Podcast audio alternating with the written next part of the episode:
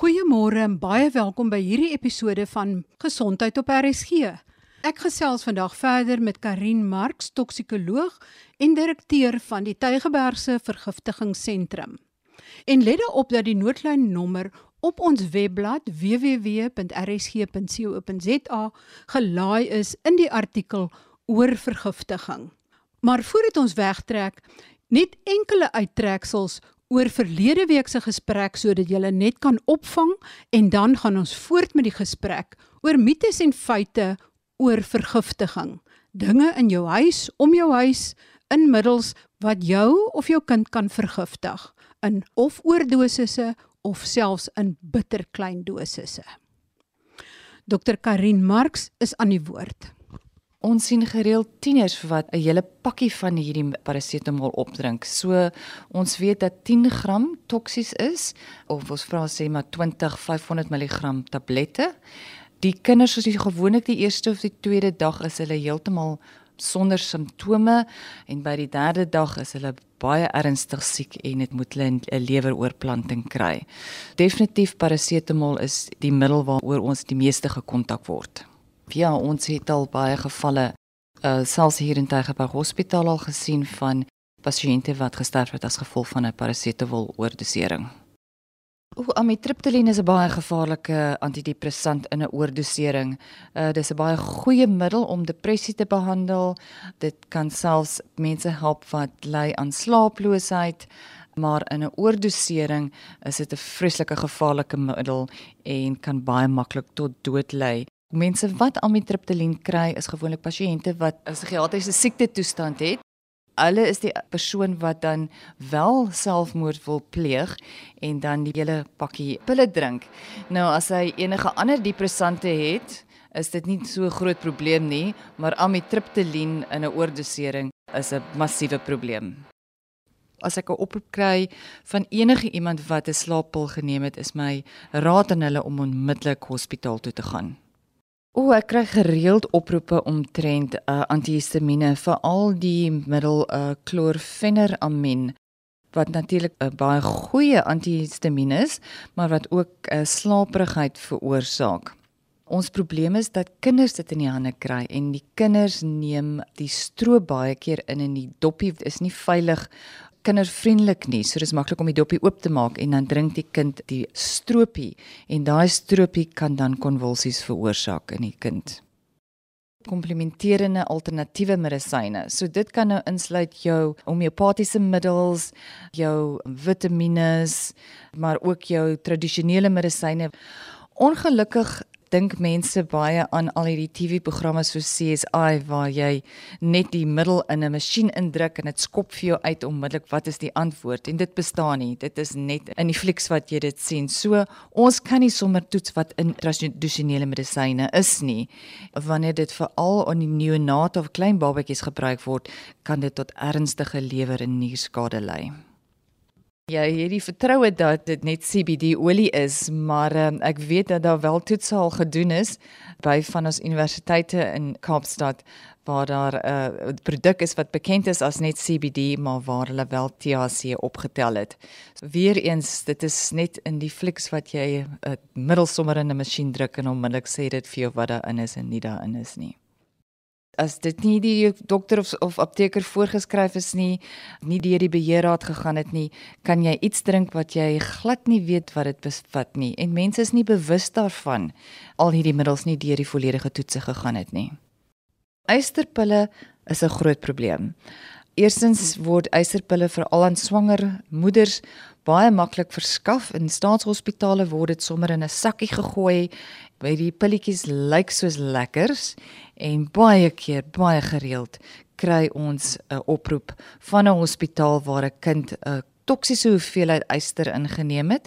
Ons kyk na 20 mg per kilogram is toksies of meer en daardie kind kan dan ernstig ernstig siek word en moet 'n antidoot dosis kry uh, wat spesifiek is. Die produk se naam is desferoxamine vir ystervergiftiging.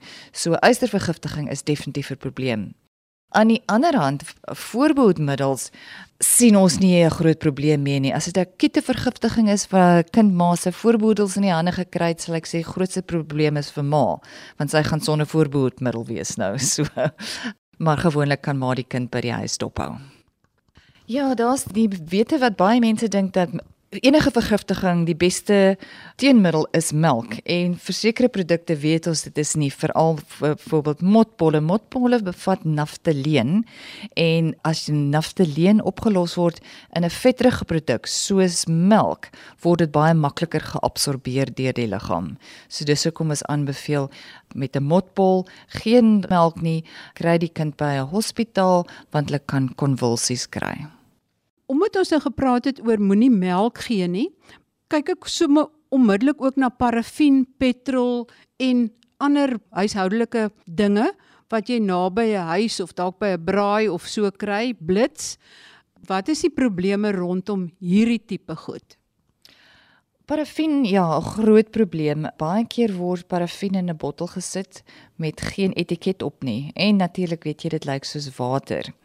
Hier kan jy net 'n klein bietjie inneem en groot probleme ontwikkel.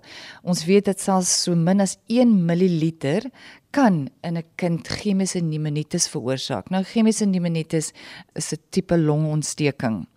Omdat hierdie parafin baie viskoos is, versprei dit baie maklik. As jy dit op 'n tafel, byvoorbeeld 'n druppel parafin gooi, sal jy sien dit versprei baie vinnig. So dit daai entiteit wat dit in die longe so kan versprei en dan longskade veroorsaak soos ek sê longontsteking en die kind moet dan in hospitaal behandel word. So kinders, volwassenes, terpentyn, dit word baie keer verwarm met water en iemand vat per ongeluk 'n sluk. Die blits waarmee ons vuur aansteek met die wit blokkies, dit is gelukkig nie so viskoos nie. Want dit bevat ook kerosien, maar is nie so viskoos nie en daarom kan as 'n kind net 'n klein ou bietjie 'n stukkie ingeëet het, kan ma maar die kind by die huis dophou en as daar enige respiratoriese simptome is, dan of die gifinligtingseentrum bel of hospitaal toe gaan petrol uh dieselfde iemand wat uh, hierdie middel inneem. As dit 'n groot hoeveelheid is definitief moet hospitaal toe gaan. Uh ons sal selfs aanbeveel dat 'n ekstraal geneem moet word maar as dit ook weer eens 'n klein bietjie is kan die persoon by die huis dopgehou word. En gewoonlik word hierdie simptome uh, van chemiese pneumonitis kom dit voor binne die eerste 8 ure na inname.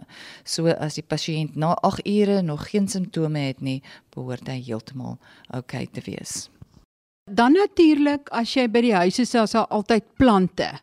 Jy het gesê daar spesifieke plante waaroor jy baie navraag kry. Wat is dit en moet die ouers bekommerd wees daaroor? Gereeld kry ons 'n ouer wat ons bel of selfs 'n dokter wat ons bel oor 'n kind wat plante geëet het wat kalsiumoksalaat kristalletjies bevat. Byvoorbeeld ek praat hierso van ons varkore of selfs die Diffenbachia of Delicious Monster. Ek dink dis wat jy hom noem, as 'n Delicious Monster. 'n Kind eet 'n eet 'n bietjie. Ek het enige oproep gehad waar die ma my gebel het waar die uh, seentjie hom verbeel het hy is 'n koei en hy het die blare begin eet. So ons kry daai tipe oproepe en hulle mondjies brand verskriklik as gevolg van hierdie uh, oksalaatkristalletjies. Maar dis nie giftig nie. Uh, behandeling is natuurlik eintlik baie lekker. Ons sê vir ma om die kind 'n roomys te gee of 'n stukkie ys te suig en binne 'n halfuur is die pyn weg. En as ons in die natuur is, is daar natuurlik skerpioene, slange, spinnekoppe ensovoorts. Hoe weet ons watter skerpioene is giftig en hoe, hoe moet ons maak? Ja, veral hierdie tyd van die jaar in die somer en nou dat dit so warm is, het ons skorpioene wat uitkom. Daar's baie baie skorpioen spesies in Suid-Afrika en net twee is regtig van mediese belang. Die een is die Transvalicus, maar die een wat regtig dood veroorsaak is die Parabuthus granulatus. Mens gaan nie sommer weet wanneer jy deur die Parabuthus gesteek is nie, want baie van hierdie skorpioene het almal klein kloutjies met 'n vet stert.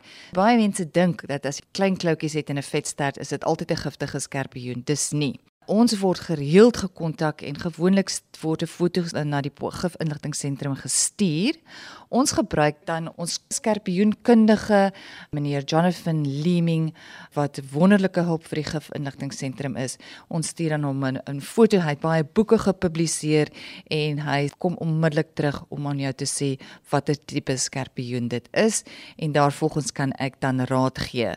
As daar nie 'n foto geneem is van die skorpioen nie, die skorpioen het weggekom of die pasiënt kom by hospitaal met net 'n geskiedenis, dan kyk ek na die simptome en daar spesifieke simptome wanneer die pasiënt gesteek is deur die Parabothus granulatus. So as die dokter daai tipe simptome aan my verduidelik, dan sal ek die antivenien aanbeveel. Wat is daai simptome? Mense beskryf dit soos 'n elektriese skok wat deur jou liggaam gaan. Hulle het 'n muscle fasciculasies. Hulle kan nie sluk nie, baie moeilik om te sluk en verskriklik baie speeksel wat by die mond uitkom. Hulle voel baie sweterig en verskriklik angstig.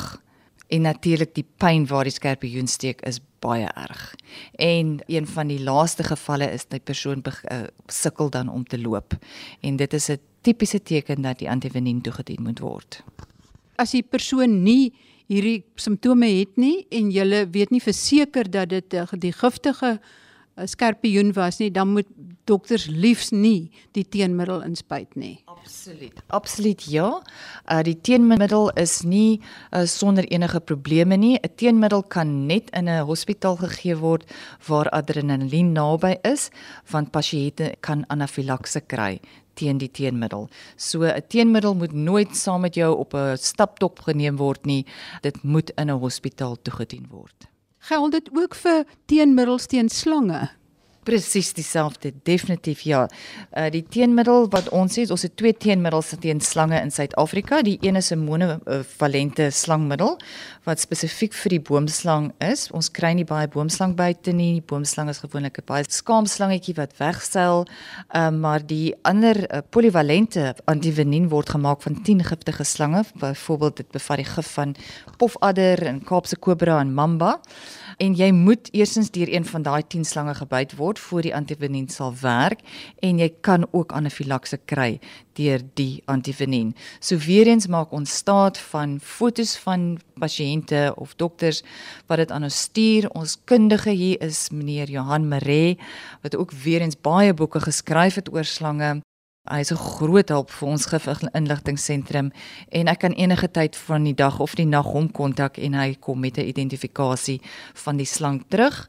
En weer eens as die persoon nie weet watter slang hulle gebyt het nie, gaan ons spesifiek gaan volgens jou tipe simptome. 'n Spinnekop buite gevaarlik en algemeen. Mense lees soms in 'n tydskrif van iemand se arm wat omtrent wegvrot nadat hy deur 'n spinnekop gebyt het. Is dit korrek? Gebeur dit in die regte lewe? O oh nee, die meeste van hierdie gevalle, dis dis 'n mite en is natuurlik die media wat ons kan blameer wat uh hierdie stories versprei dat jy deur 'n sakspinnekop of 'n vioolspinnekop gebyt is en ja, jy die helfte van jou arm verloor en 'n been verloor of die pasiënt is dood. Dit is wel 'n sitotoksiese gif, maar dit word geensins anders behandel as 'n as enige ander infeksie nie. Pasiënt moet op antibiotika wees en die plekkie moet skoon gehou word. Ek blameer hier hierso baie keer ook dokters en aptekers uh pasiënt kom in sonder 'n geskiedenis dat hulle spinnekop gesien het en dan word daar maklik gesê dis 'n spinnekop byt. Ons by die gifinligtingseentrum as ons nie van die pasiënt hoor dat hy wel gebyt is deur die spinnekop en hy het dit gesien gebeur nie, neem ons nie sommer aan dis 'n spinnekop byt nie. Ek het gehoor dat die knoopie spinnekop spesifiek nogal 'n giftige kalante is. Ja, die knoppie spinnekop is nie soos die vorige spinnekoppe sitotoksies, is neurotoksies. Pasiënte word baie siek van 'n knoppie byt. Ons het twee tipe knoppie spinnekoppe in Suid-Afrika. Die een is jou bruin knoppie. Hy kan enigiets van ligbruin tot donkerbruin wees en hy kom gewoonlik naby jou huise voor, agter die hout, onder die meubels en hy het 'n oranje maagie, 'n uurglasie op die maagie waar jou swart knoppie spinnekop is 5 keer meer giftiger, maar die swart spinnekop kom in die veld voor en is gewoonlik pikswart en ook groter. En as jy deur die swart knoppie gebyt word, kan dit baie baie pynlik wees. Pasiënt sweet ook verskriklik ernstig, is baie angstig en in die geval word daar ook 'n antivenien toegedien. Weereens antivenien moet toegedien word in 'n hospitaal. En aangesien dit nog steeds somer is, kyk ons na enkele aspekte wat juis tipies is aan die somer. En dit is blou blaasies, maar ook dalk visse wat jou kan vergiftig. Ons kyk eers na blou blaasies. Wat moet jy doen as daai sweepslag van die tentakel jou tref? Ja, die blou blaasie sien ons gereeld die tyd van die jaar is nie ernstig nie, gewoonlik nie ernstig nie. Die beste aanbeveling wat ons het as jy deur 'n blou blaasie geslaan word deur hierdie lang stert van hom, moenie vars water gebruik om dit te was nie. Dit vererger die die pyn. Was dit met onmiddellik met seewater en dan gebruik iets skerp sals iets soos 'n kredietkaart om die die gif af te krap van die vel af en dan die beste beste raad vir dit is vier warm bad, vier warm water om daai wond in warm water te sit. Ons het selfs al gesien dat jy steef vir 'n halfuur daai voet of been in warm water sit, na 'n halfuur is die pyn heeltemal weg. So moenie vir Boetie nader roep om daarop te piepie nie. nee, ek dink maar dis die dis die hitte, daai bietjie hitte wat wat werk. Wat van seekos of skulpvisvergiftiging versus allergieë? Ja, dis iets wat ons ook gereeld sien veral nou oor 'n Paasfees waar mense baie in die Kaap baie seekos maak, hulle maak die curryvis en nou dit baie keer is daar 'n breek in die koue ketting. En dit kan lei dan tot uh, seekosvergiftiging spesifiek as ons kyk na sekere visse byvoorbeeld jou geelster en die geelster of tuna vis wat gebeur met uh, is dat hierdie visse vir een of ander rede uh, vir alles die koue ketting gebreek is uh, laat hulle histamiene vry. So iemand kan in 'n baie lekker duur viskosrestaurant sit en hierdie vis eet en dan geweldig siek raak. Pasiënt is nie allergies nie. Hier is die pasiënt eenvoudig is as gevolg van hierdie histamien wat vrygelaat word deur hierdie vis. En dan dieselfde met met ons um, skulpvisse. Uh iemand party mense kan allergies wees vir skulpvis, maar in sekere tyd van die jaar het ons rooi gety en jy het hierdie algie wat in die water is en dit laat dan uh sekere toksine vry. Dis hoekom jy sien die water is so bruin rooierig en dan die skulpvis filtreer hierdie toksine en dan kom die persoon 'n mens wat dan die skulpvis eet en dan word hy vergiftig deur die toksine in hierdie skulpvis en dan kry hy skulpvis diarree wat nie 'n allergie is nie. Ja, in die rooi gety het ons al gesien hoe van hierdie krappe en en ander diere eintlik uitstap uit die see uit. Ja, dis as gevolg van 'n van 'n suurstoftekort. Ja, ja. Ja, so so moenie hulle eet net omdat hulle na jou aangestap kom nê. Definitief nie, jy gaan baie siek wees. Hoe gevaarlik is die salonsroos en dan ook is dit 'n mite dat Syringa bessies giftig is of is dit werklik giftig? Ja, dis ook ook 'n oproep wat ons gereeld reeld kry is as gevolg van die Syringa berry. Hier word kan ons weer eens die media baie blameer wat sal sê die die Syringa boom is 'n baie giftige boom. Dit moet nie in 'n tuin wees nie. Ons weet dat baie keer kindertjies sit 'n berry insluk die uh pit bly intakt. Met ander woorde, dit word nie verteer nie. Op die ergste kan jy 'n bietjie diarree verwag met 'n kind. Baie keer kan die kind by die huis dopgehou word en ons sê vir ma as die kind 'n loopmaagie kry om hom net hospitaal toe te neem vir dehydrasie. Dis gewoonlik met koeie en skape wat hierdie put kan oopbreek waar dit 'n probleem word vir vergiftiging. So ons sien dit nie eintlik in mense nie. Uh, soos ek ook kan noem, dit hang natuurlik van die dosis af. As ons kyk na ons salonsroos, dis byvoorbeeld die salonsroos in Suid-Afrika is nie dieselfde gif as wat jy in Sri Lanka kry nie. In Sri Lanka weet ons mense maak tee van die salonsroos om selfmoord te pleeg. In Suid-Afrika as iemand 'n klein stukkie van die salonsroos plantjie eet of blommetjie, is ons nie baie bekommerd nie. Jy moet regtig 'n groot hoeveelheid eet voordat dit 'n probleem is. Karin, as jy oor hoofs na alles kyk en jy het soort van 'n uh, enkele boodskap wat jy vir mense vir die luisteraars wat nou luister na die program wil oordra. Wat sal dit wees? En ek wil graag hê jy moet iets noem van melk nadat 'n kind 'n verkeerde ding ingekry het. Ons het eintlik uh, op ons webtuiste het ons 'n uh, 'n kaart, 'n voorhospitaal vergiftigingskaart. En op daar word spesifiek eintlik aan ouers genoem wat om nie te doen nie. Byvoorbeeld in sekere gevalle moet 'n kind nie braak nie. As hy parafin inneem, moenie die kind laat braak nie. As die kind 'n motpol inneem, moenie melk neem nie.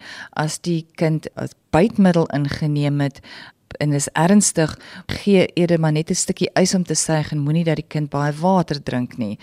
Ek sal voorstel dat mense hierdie kaart aflaai.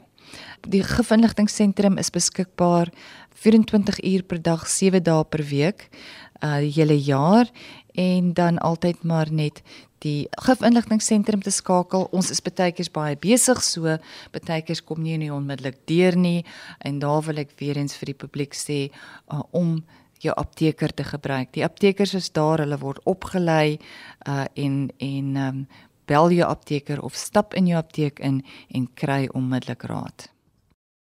Baie baie dankie. Gaan kyk ook gerus op www.rsg.co.za. Ek het daar die skakels na hierdie inligtingbladsye gelaai as ook die noodnommer. Net interessantheidshalwe, die vergiftigingsinligtingseentrum het ook die afgelope tyd heelwat oproepe ontvang oor Ivermectin. En die meeste daarvan was oor mense wat dit verkeerd gebruik het. Een van die probleme is dat mense dubbel die dosis gebruik het, veral omdat dit van diereprodukte gekom het, dat hulle dit mondelings gebruik het in plaas van om aan te smeer en wanneer kinders dit ingekry het.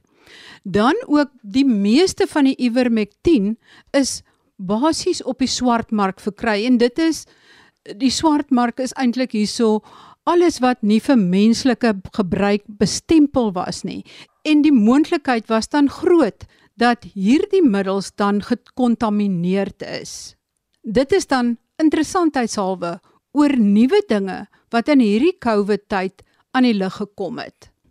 Die landwyse vergiftigingshulplyn is 0861 355 777 0861 555 777 skryf dit neer plak dit teen jou yskas en gaan kyk ook op RSG se webblad waar daar skakels gelaai is na hierdie potgoeie, na interessante fotos wat jou kan help en ook na die vergiftigingskaarte waarvan Karin Marx gepraat het wat vir jou baie meer moeds en moenies gee oor wat jy moet doen as jy of jou kind of enigiemand wat jy ken sekere middels ingeneem het. Presies wanneer jy nie melk moet gee nie, wanneer jy nie die een moet laat braak nie, wanneer jy so vinnig as moontlik by 'n hospitaal moet kom. Tot volgende week dan, wanneer ons weer gesondheidsake gesels en dan gesels ek met 'n reumatoloog oor die nuutste behandelings vir verskillende soorte reumatoïede artritis wat dan ook insluit juveniele artritis by kinders, ankyloserende spondilitis en psoriatiese artritis. Tot volgende week dan, groete van my, Marie Hudson.